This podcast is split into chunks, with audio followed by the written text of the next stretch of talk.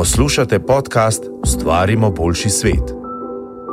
Ta se začne pri nas samih, pravita ustvarjalki Tina Cipot, vodja korporativnega komuniciranja v Lidlu Slovenija. Tista, ki si želim, da bi bil ta svet res boljši, in istočasno vem, da ne bo boljši, če tega ne bomo sami začeli delati. In Urška Ahac, ambasadorka Lidlove Vitalnice. Ki je zelo skrbi za to, da živimo boljši svet s tem, da smo mi boljši. Podcast omogoča Lidl Slovenija.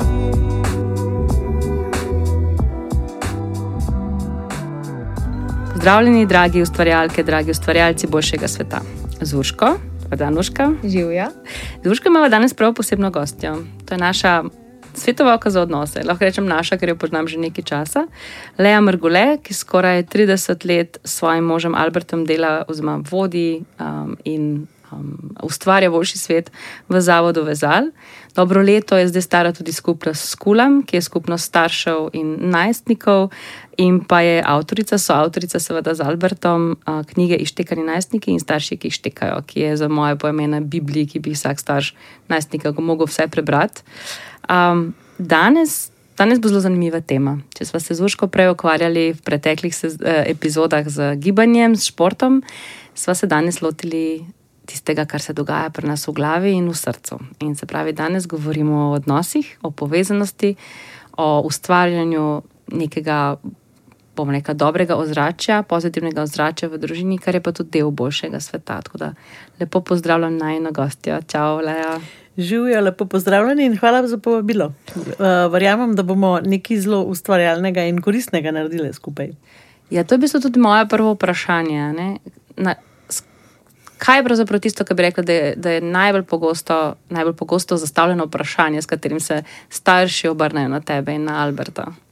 Uh, najbolj pogosta vprašanja v bistvu so vprašanja iz ki so, ki so postavljena z nekih skrbi in nekega strahu, in običajno se ta vprašanja začnejo, kako naj spremenim nekaj pri svojem otroku. Največkrat pri najstniku, ker najstniki nam mal bolj pokažejo, da ne sledijo tem, tem ciljem, ki smo si jih mi zastavili v glavi, ampak da postajajo neke samo svoje, po svoje oblikovane, čudovite osebnosti v bistvu. Sam takrat mi tega ne vidimo na tak način kako pa ta čas počitnic, ko bo otroci malo več doma, ko bomo na dopustih, kako pa mogoče res ta čas izkoristiti mm. za to. Jaz bi tukaj mogoče to vprašanje povezala pač s prvim tininim vprašanjem, kaj so najbolj pogosta vprašanja staršev. Uh, mi dva z Albertom sva se naučila, da če imamo z otrokom stik, imamo na otroka vpliv, oziroma kadar imamo z otrokom stik, imamo na, na otroka vpliv. In skozi leto, ki mi težimo, pritiskamo na otroke, ki je urnik grozen, ki smo tudi sami zaradi služb veliko krat izčrpani, se ta stik veliko krat čist ne hote, uh, zgubla, zbledi, naveličani smo drug drugega, otroci se nam upirajo, skrbi nas polhanenih stvari. Počitnice so pa v bistvu ravno zato super, ker v bistvu lahko zgradimo stik na novo, lahko se posvetimo stvarem, ki jih imamo zares radi, lahko opazujemo svo, svojega otroka in mu pomagamo odkrivati njegove talente na nek način, uh, s tem, da počnemo druge stvari. To se pravi, da damo zvezke na stran, da tudi če so bili. Če so bile ocene take, ki vam niso bile všeč, da jih daste na stran, ker otrok ni ocena. Otrok je bitje, ki je pač tisto oceno dobil ja, iz nekega razloga, ampak zdaj je v bistvu priložnost, da mi uh, damo v naš odnos igrivost, zabavo, raziskovanje, da spodbujamo radovednost, uh, da iščemo na nek način. Uh, jaz velikrat rečem, delajte zavestno napake. Zato, da boste naučili otroke, kako se napako popravi. Ne, da je napaka katastrofa, ampak da je napaka izkušnja, s katero smo se nekaj naučili. Uh, zato so počitnice. Uh, poleg tega so pa počitnice tudi zato, da otroke mečkano peljemo v eno življenje v skupnosti, ker jaz skozi poudarjam, da družina je skupnost. Uh, in ko, ne, jaz se spomnim, ko so bili najni najstniki, pa sem rekla, da je tale krožnik uh, pospravil. Ja, nisem ga jaz sem prinesel.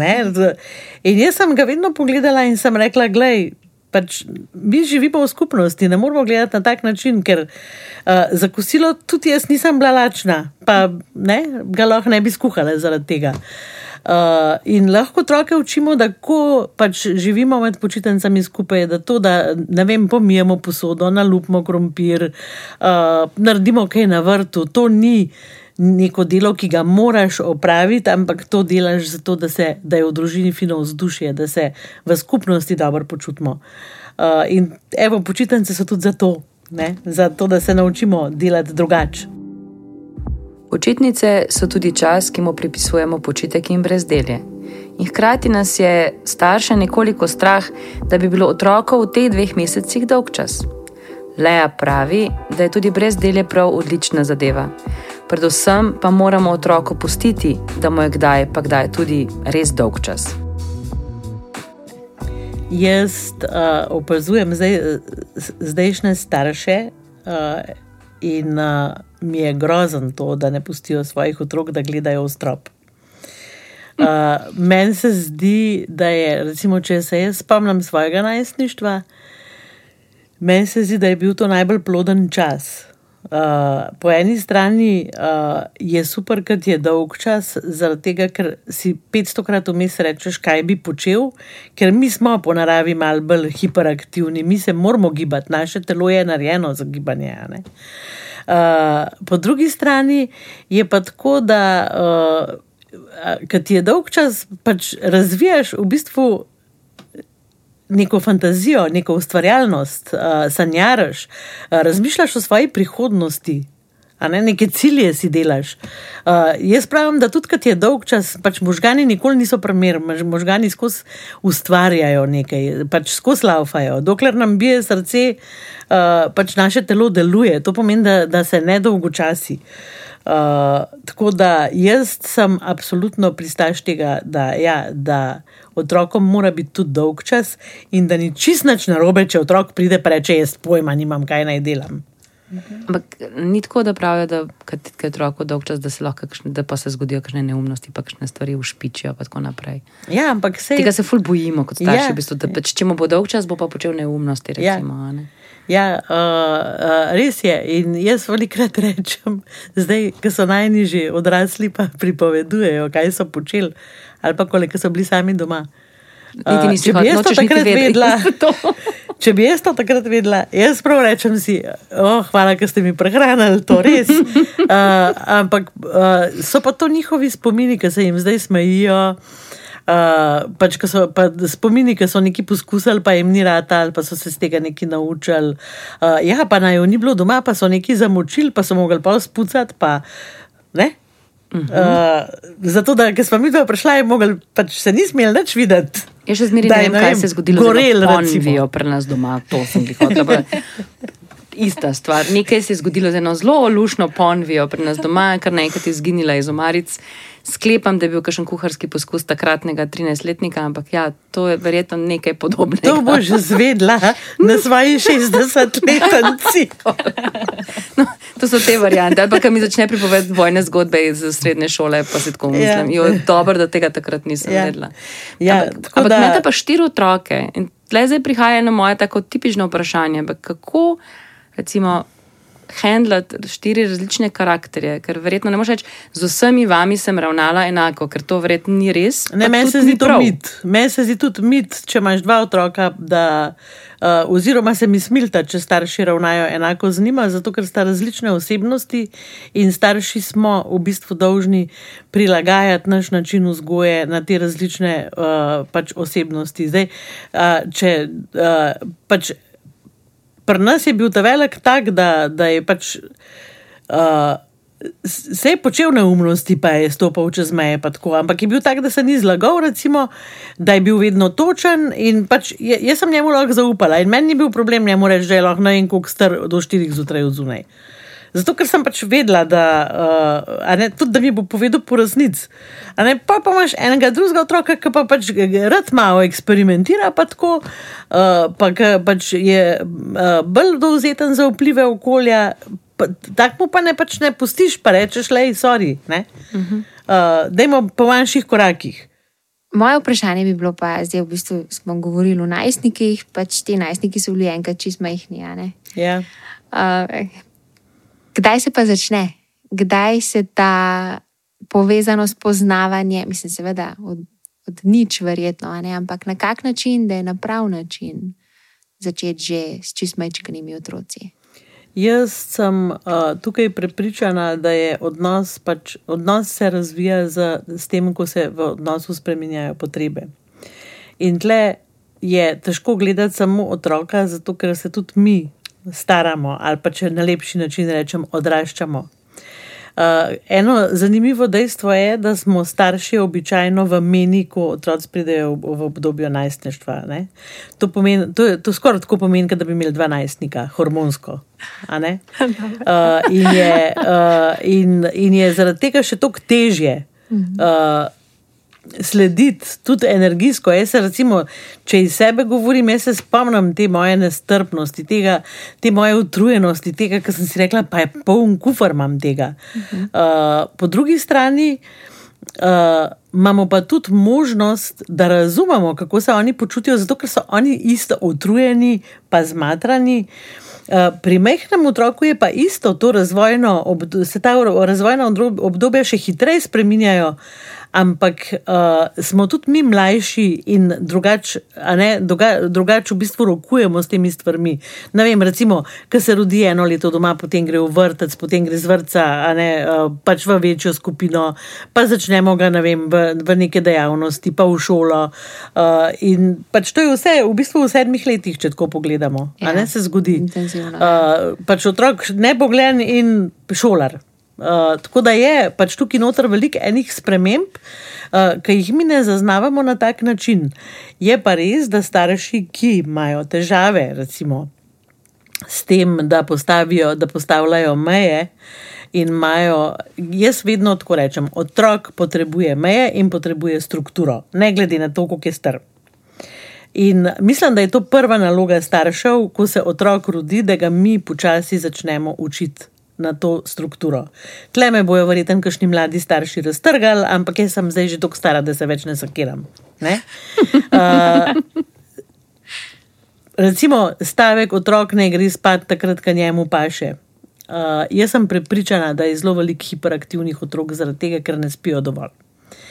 Jaz sem prepričana, da je pač med 8 in 9 uro zvečer čas, da gre otrok spat, in da uh, smo starši tisti, ki pripravimo okolje za to, da gre otrok takrat spat. Zato, ker jaz vedno rečem, kam mi kašna mama reče, no se je ob 11 pa pol zaspi. In pa rečem, kaj pa ob 11 naredite, da zaspi? Ja, pa imajo pač nek ritual. In ta ritual se da predstavljati, recimo najprej z 11 na 10, pa na, na 9, pa na 8. Mi smo recimo ob sedmih sva z Albertom začela nek ritual, ki je pomenil, dneva je konec. In ta ritual je trajal eno uro, in ob osmih zvečer sva mi dva imela mir. To ne pomeni, da so oni spali, to ne pomeni, da sva jih maltretirala, pa prbila v poslo, da so dali mir. Ampak vedeli so, da so pač zdaj je čas, da smo v posli, in eni so pravljice poslušali, eni so še malo knjigice pogledali. Ampak niso hodili ven, niso se darali, ni jih lulat, kakati, že je lačen, ne vem kaj. Zato, ker je bilo to okolje, pač, to se je vedno zgodilo na isti način, uh, skozi se je ponavljal ta ritual, ni se zamenjal. In ja, sej so bili kakšni rojstni dnevi, pa kakšne izjeme, ampak takrat smo to izrekli. No, mogoče zdaj res, ko smo glih aktualni, pa tudi mene osebno to zdaj Mhm. zanima, zdaj pa poletje Ja? in se dan daljša in smo lahko dlje časa zunaj, ker pač pozim ob sedmih, imamo mi tudi recimo na Mhm. ta način rutino, ampak zdaj se pa ob sedmih, osmih lahko še kopamo. A, je to v redu? Jaz, načeloma, sem tukaj bila zelo, uh, ri, uh, tako bom rekla, zelo rigidna. Uh -huh. Skratka, pr, uh, mogoče smo predstavili za 8 na 9. Uh, zaradi tega, da je ne, ne toliko zaradi tega, ker smo se še kopali, ampak bolj zaradi tega, ker je bilo hladneje. A Ne, uh, da, da, smo pač tist, da si se zvečer malo zrelaksiral, pa da se je malo steč, pa igrati, uh, ker pač v vročini tega ne moreš. Ne? Uh, sicer sem pa jaz bila tukaj zelo rigidna. Mi smo imeli pač ta red.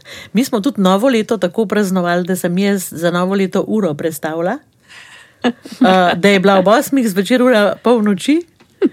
In smo imeli, juhu, hudo srečno novo leto, ki so oni bili od polnoči.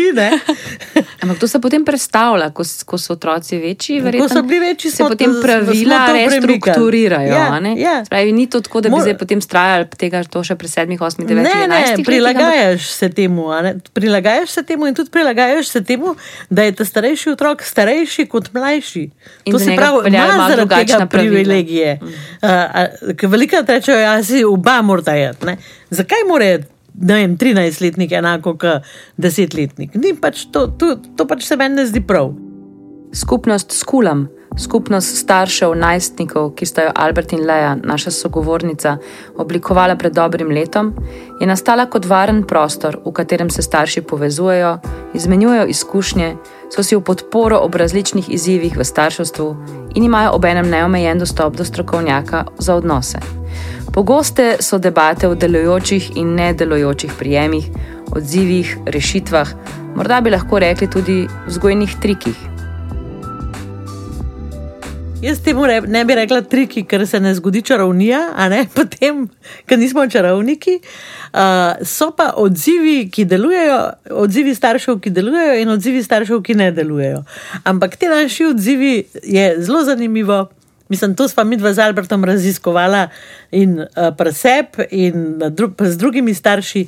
Skratka, te odzivi niso povezani z vedenjem naših otrok, ampak so povezani z nami. To se pravi, a jih mi zmoremo narediti iskreno, uh, in v stiku z otrokom, a jih naredimo zato, ker smo prebrali. Ker sem jaz prebrala, da Tina mi je pa enkrat napisala v mailu, uh, da je vem, svojim najstnikom naredila tako, da bom jaz probala isto. Uh -huh. To ne bo delovalo. To ne bo delovalo. Zato, ker jaz lahko, jaz lahko naredim isto, če to čutim, če vem vse. Pa če poznaš uh, otroka. Uh, prvič po, moram poznati otroka, ampak najprej moram jaz vse to čutiti, da, uh mhm. -huh. da to naredim iskreno. Še lep pol je otrok. Uh mhm. -huh. In v skupnosti s kulam dejansko so samo starši. To spravi, ko pride, preden pridejo v skupnost s kulam, morajo izpavati en vprašalnik. Brez tega vprašalnika ne moreš priti v skulam. In v tem vprašalniku imajo zelo jasno povedano, da je skupnost skulam pot, kjer bojo oni krenili na delo na sebi, uh mhm. -huh. to se pravi na svoji starševski vlogi. Uh, in šele tretji korak, na tri stebre imamo razdeljeno, to se pravi stik s samim sabo, stik z najstnikom, in potem je šele kako naj ga pripravim, da bo naredil nalogo. Uh mhm. -huh. Tretji stebr. Prej si rekla, pa eno stvar pa te moram zahakljati. Vsi otroci rabijo meje oziroma strukturo. Ampak hkrati pa je to ful težko, tega, ker potem dosti, ko dobiš reakcijo, ne maram te, ne sramna si, grda si, ne vem, nimam te več rata. Ne? To se tudi zgodi, kdaj takrat, ko pač postaviš neko mejo. A lahko postavljaš meje in si hkrati povezan, imaš hkrati stik. Ali to celo ja, nujno? Vse to tudi nima veze s tem, da ti otrok reče: Ne maram te. To je pač način, ki ga imajo otroci, zato da ostanejo v coni udobja. Uh, ne, ker se mi potem zlomimo, ker rečemo, oj, zdaj pa če bom zahtevala to od njega, me pa na ome urad, pa pa nam imela stika. To nima nobene veze, ljubezen nima veze s stikom. Okay. Stik je nekaj zelo zanimivega. Stik je čustvena vez, ki sporoča, sprejeti si tak, kot si. To spravi, ne, otrok ima mene rad, ampak jaz otroku sporočam, sprejeti si tak, kot si, tudi če me ne maraš, si ok. Wow, okay. Tudi če, tud, če me ne maraš, ti si moj, pač ni smola. Lej. Smola. Ja. Ampak, hvala, smola ti mene ne maraš, ampak moj si. ja. no, ampak, gledaj, ko smo te tri stebre umenili, kje pa steber partnerska povezanost? Uh, partnerski odnos je pred starševskim odnosom, uh -huh. moral bi biti pred starševskim odnosom. Ampak žal uh, je tako, da mislim, da se večina staršev tega ne zaveda. Dejstvo je, da je partnerski odnos, odnos, ki dela vzdušje v družini. Uh, in otroci rabijo vzdušje, ki je prijetno. Otroci rabijo za, za to, da se razvijajo občutek varnosti. In občutek varnosti sta oči pa mami. In občutek varnosti sta oči in mami in odnos med njima. Uh, to ne pomeni, da se ne smeta kregati, to ne pomeni, da ne sme kdaj biti pač neke odtujenosti, ampak gre se za ta generalni občutek, ona dva bosta to zrihtala. Uh, tako da, uh, ampak rada bi povedala to, da tudi pač zelo lepo funkcionirajo uh, enostarševske družine ali pa sestavljene družine, ki pač delajo na tem. Na ne, ki ne rečejo, vse bo že, ali pa bomo že pregurali.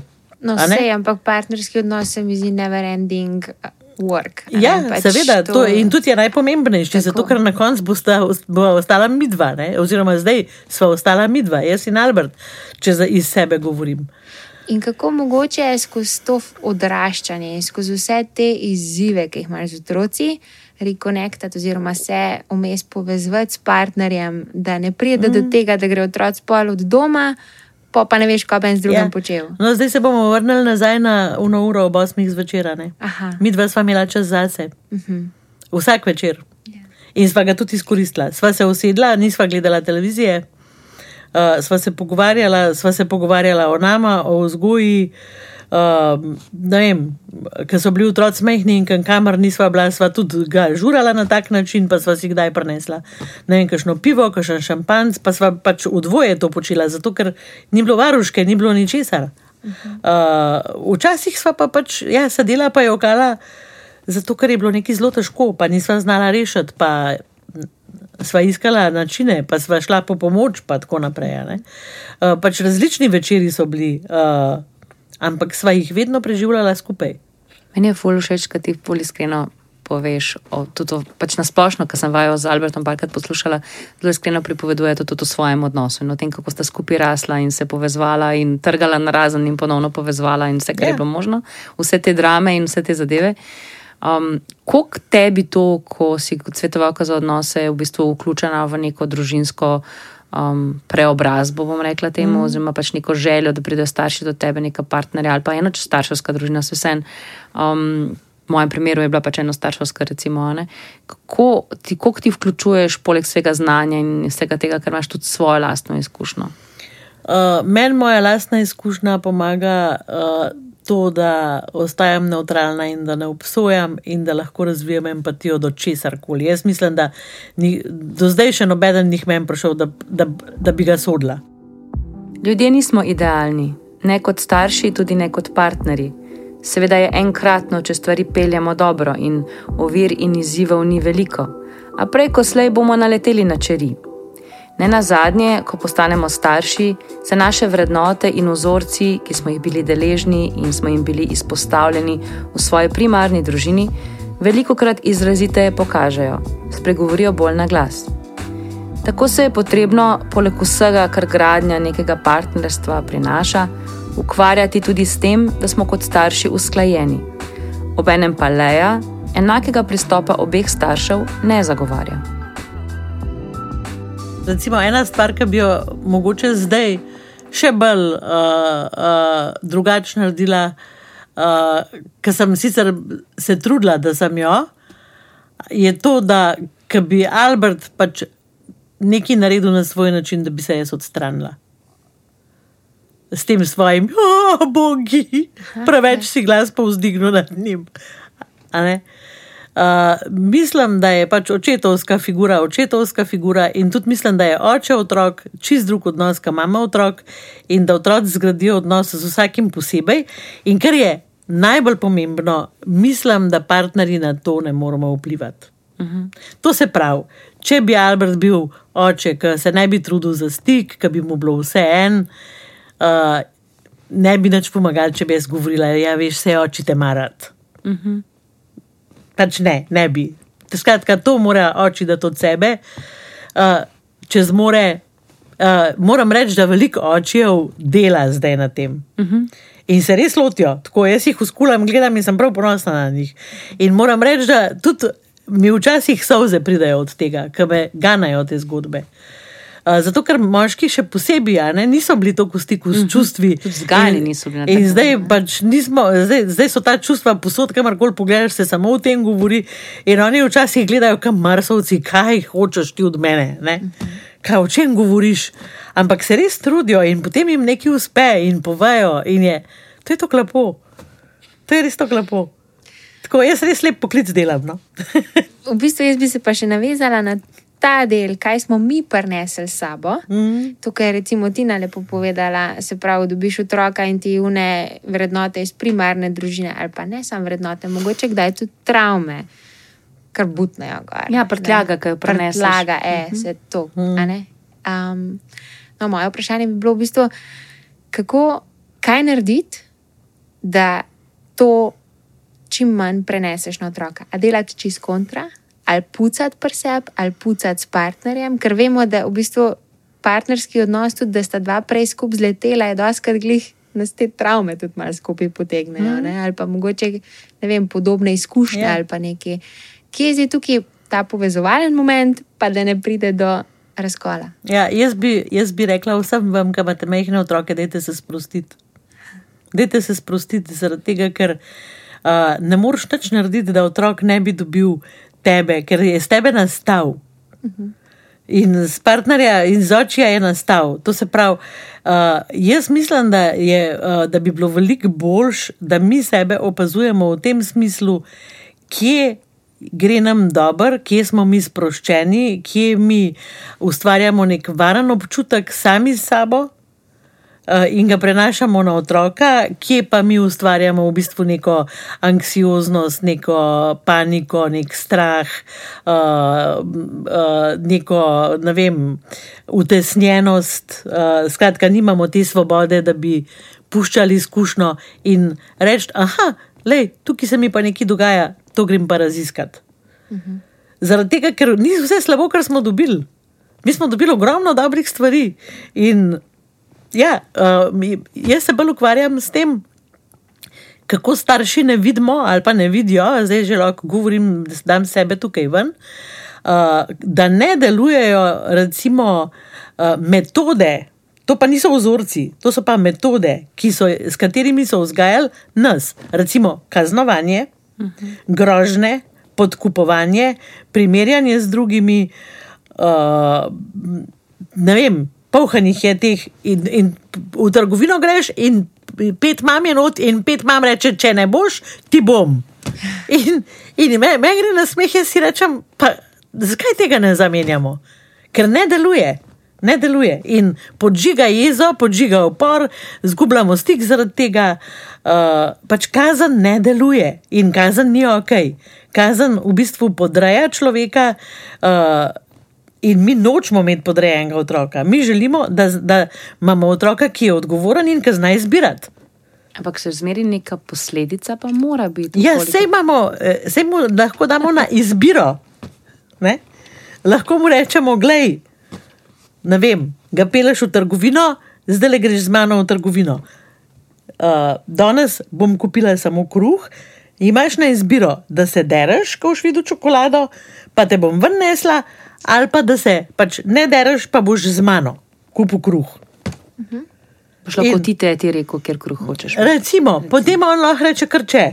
Ampak tole dvoje ima na izbiro, in ko se začne dret, ga jaz pač vzamem nežno v naročje, ne rabim biti jezna, ne rabim reči, to je pa zdaj zakazan, ampak mu rečem, le danes si izbral, da ne boš z mano v trgovini. In Pač tvoja izbira in zdaj boš pač prenesel še to odgovornost. Wow, In- in... Kazen ne deluje, deluje izbira. Ja. Kaj še deluje? Izbira je, uh, pri izbiri moramo mi vedeti to, da izbira ni pogojevana, izbira nima čeja. Če boš to naredil, boš pa. To ni več izbira, to je pogojevano. Izbira je, če mu, mi rečemo, tukaj je lešnikova tuko- čokolada, tukaj je mlečna čokolada, katero boš vzel. Izbira je, ki ga peleš k sladoledarju in on vzame najbolj ogaben sladoled, un, ne vem, ki je še čudne barve in že mi vemo, da to ne, ne bo šlo. Ampak na koncu, ko reče, ni dober, mu rečemo, le izbral si ga. Izbral si ta sladoled, zapomni si, da ti ta ni všeč, da ga ne boš naslednjič spet izbral. In enako lahko vse stvari povežemo s posledicami vnaprej doma. Zvečer gremo v poslo v miru, je pravljica, se dereš, pač ni pravljice, ker me ne slišiš, če ti jaz berem pravljico, ki se dereš. Ne? Pač, Logičen. in pa se dere in rečeš, le izbral si, da danes ne boš imel pravljice, nič hudega, jutri bo- boš imel spet priložnost, da izbereš. Pravljico ali pa ne pravljico. Vedno mu rečemo, gledaj, ponovil se bo, spet boš imel priložnost, lahko boš izbral drugače. To je tako, tako čaroben način, ki, ki dejansko deluje, pri nama je deloval, pri najnih starših v skulamu deluje. Pojma nimam, zakaj ljudje tega ne počnejo. Je pa predpogoj, da si nacentriran in da to trezno in umirjeno lepo poveš. Ja. Ker takrat, ko on začne s svojimi stvarmi. Ampak tega ne delaš takrat. Ja. Te, to se pravi, če jaz opazim, zato sem pa rekla, opazujte, kaj deluje in kaj ne deluje. Pa ne se ukvarjati s tem, kako ne boste prenašali enih stvari. Uh, če, ko jaz rečem, da v ponedeljek se je daril zvečer, v torek se je daril zvečer, v sredo, to se pravi, moj način, kako ga jaz dajem spat, ne deluje. Ni neki v redu z njim. Kaj lahko spremenim? A mu lahko dam na izbiro? Ne vem, greš spat, eh, lahko je tudi to ura, greš spat 15 do 8, gledava skup, ne vem, risanko, ne, greš spat ob 8, ne gledava skupaj risanke, recimo. Uh, pač premislimo vnaprej, ker smo mirni, ne ker smo razjarjeni. Neko pride že do tiste situacije. Ja. ne.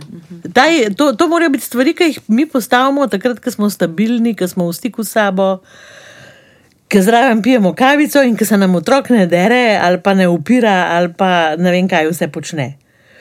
Ker vsak otrok to počne. Je Jaz, nek vsak normalen otrok to otroka, počne. da- Ja, če se tako. slučajno, kaže, če kdo misli, da ima najbolj pridenega otroka, zato ker se ne upira in ker nima svoje volje, potem uh, mu svetujem, da se vpraša, kako si predstavlja svojega otroka, da se bo zase postavil. Najstniško upiranje je nekaj, kar v starših pogosto zbudi kar nekaj negotovosti. Zgodbe o nemogočem obnašanju, jezikanju, treskanju z vrati in stalnem izzivanju naših vrednot so poseben izziv, ki se ga je treba predvsem, pravi Leja, lotiti z mirno glavo in s kančkom humorja. Ampak meni so, recimo, jaz najem, odkot to imam, sicer to Albert pravi, da, so, da sem jaz imam to prirojeno napako. Ampak meni so te stvari bile zmer zabavne. Mene, mene to nikoli ni šokiralo, meni je šlo na smeh, jaz sem rekla, od, odkje si pa ti dele vzel, mislim tako. Uh, in me, mislim, me se nič ne zdi narobe, če starši rečejo, uh, zdaj pa jaz tega le ne razumem, čist dobro, mi lahko pomagaš tole razumeti. Pač, od, pač najstniki nam prenašajo neke novosti, in ja, mi smo za njih dinozauri. Ja. In dejansko mislim, ne vem, uh, zakaj je staršem tako težko reči, jaz pa tega ne vem, ali pa jaz tega ne razumem, ali pa mi lahko pomagaš to razumeti. Uh, ne vem. Uh, meni je bilo to res zabavno. Včasih so pa. humor in nasplošno fajn. da Včasih so pa rekli, pač ti tega sploh ne moreš razumeti, a ti ne, a bi, bi vsaj to razumela. Ne? pač, ni to več v tvojem dometu razumevanja. Ok, v redu, skratka, na lep način mi je povedal, da sem butasta v redu. Uh, ne? Pa smo pač spet malo dihali, pa počakali, pa šli dalje. Pa, pa je čez pol ure prišel nazaj, pa je že neki rabu, pa, smo, pa je šlo življenje naprej. Uh, tako, meni se zdi, da bi samo mogli se malo bolj sprostiti, pa zaupati temu, da to obdobje mine in da nič katastrofalnega se ne more zgoditi, ker se ne da popraviti.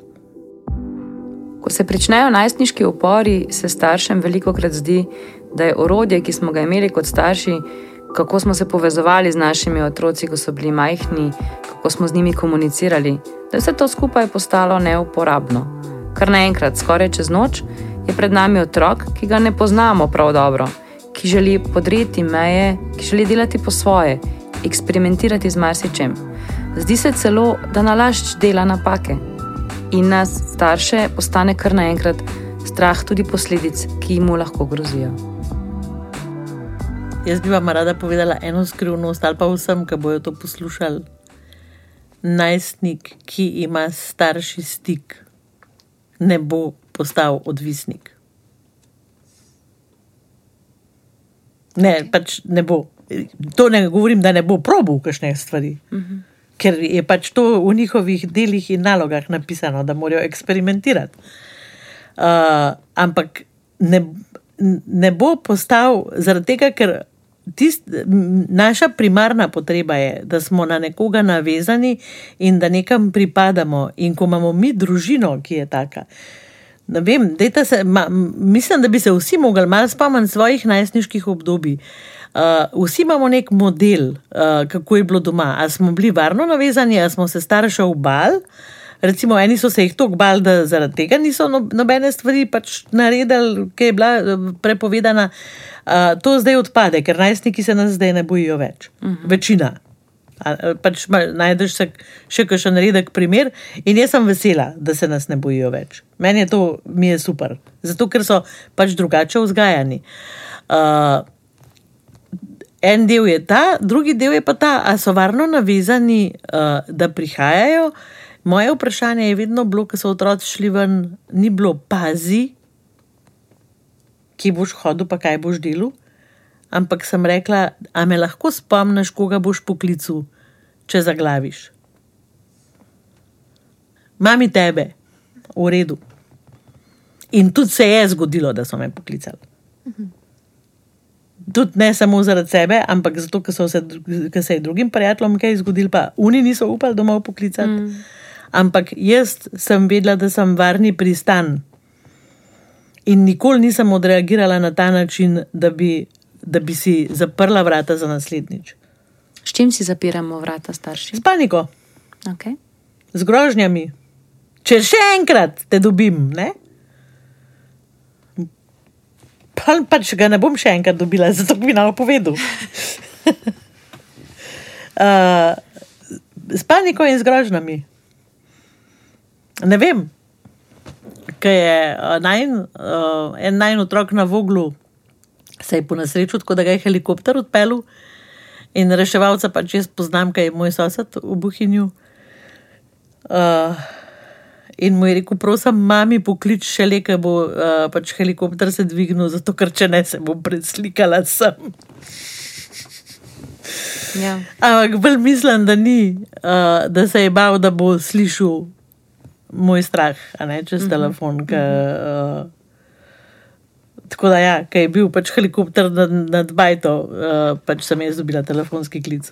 A smo zaščitniški, veš, kaj ti si zaščitniška mama? Mi smo po naravi, jaz mislim, da, da to ni nič slabega, da smo po naravi zaščitniške mame, zato ker pač smo mame. In to ni popolnoma nič narobe, narobe pa je, ko mi to spustimo iz zavedanja.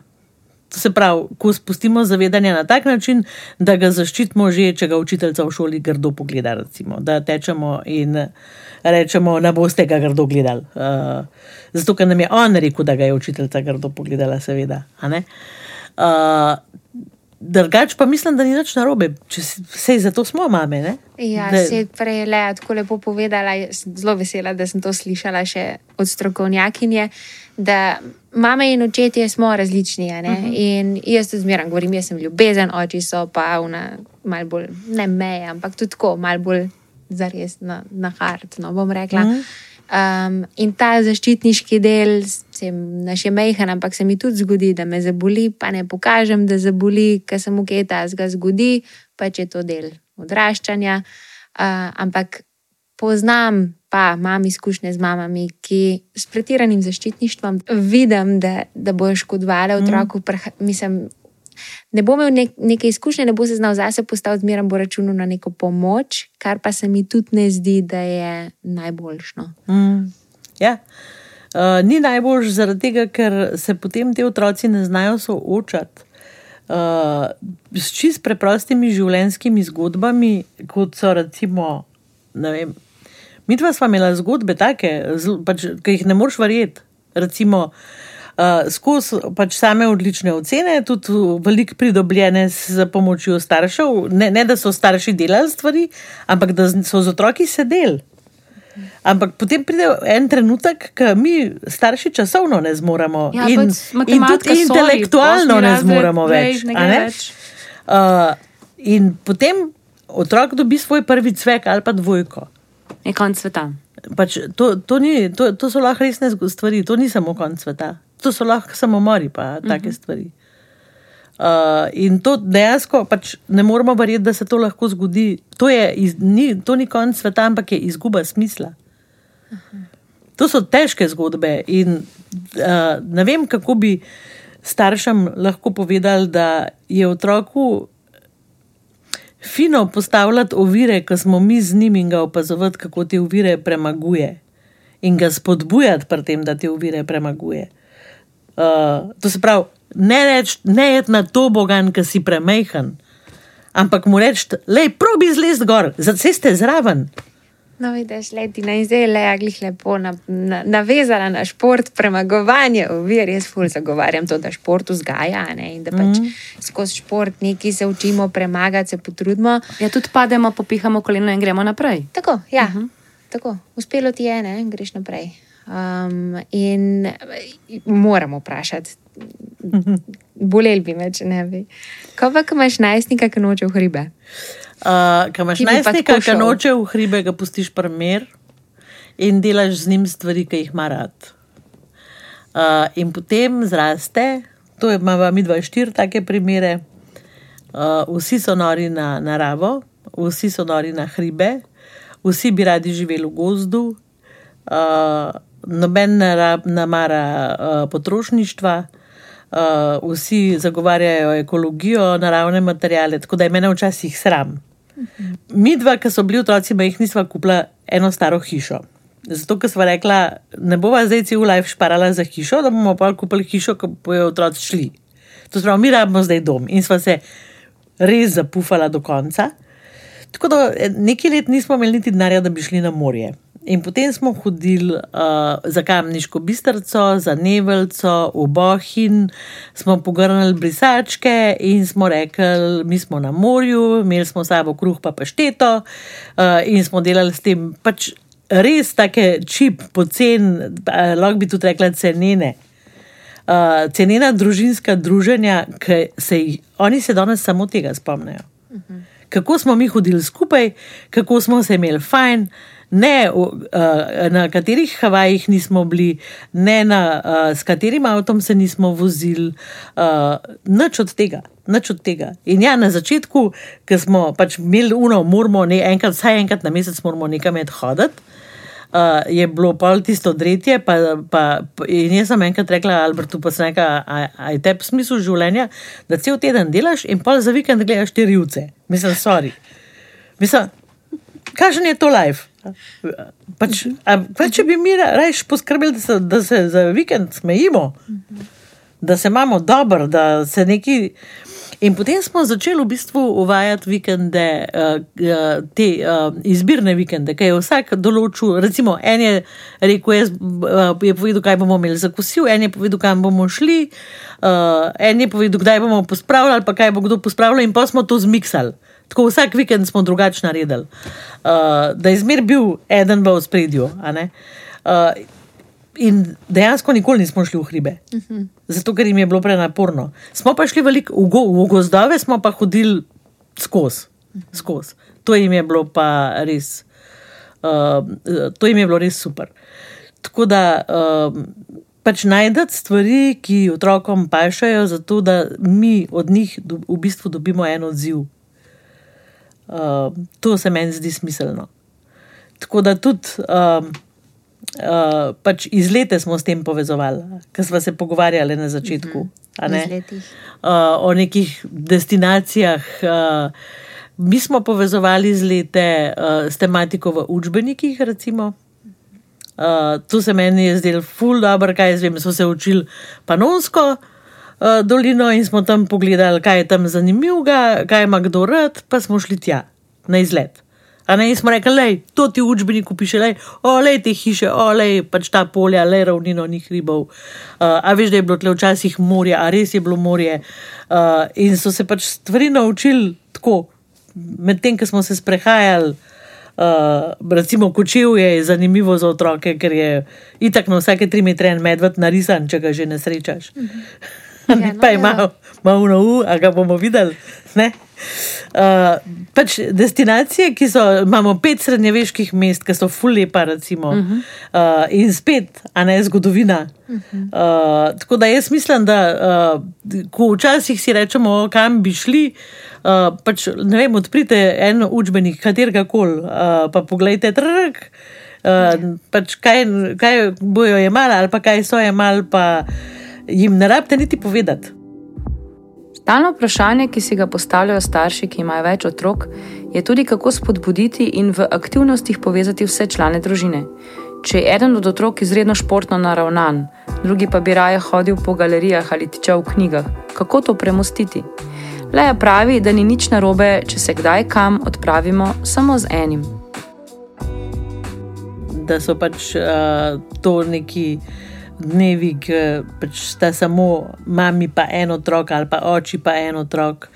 Uh, in da se takrat v bistvu pogovarjaš samo tiste stvari, ki njega zanimajo, uh, ali pa greš gledati stvari, ki njega zanimajo. To, to se mi zdi zelo pomembno, ker s tem nekako tudi mu pokažeš, da je vreden, da je pomemben. Da, ne, ker tudi tega se moramo zavedati, da prvi je vedno edinc, a ne prvi je edini sam.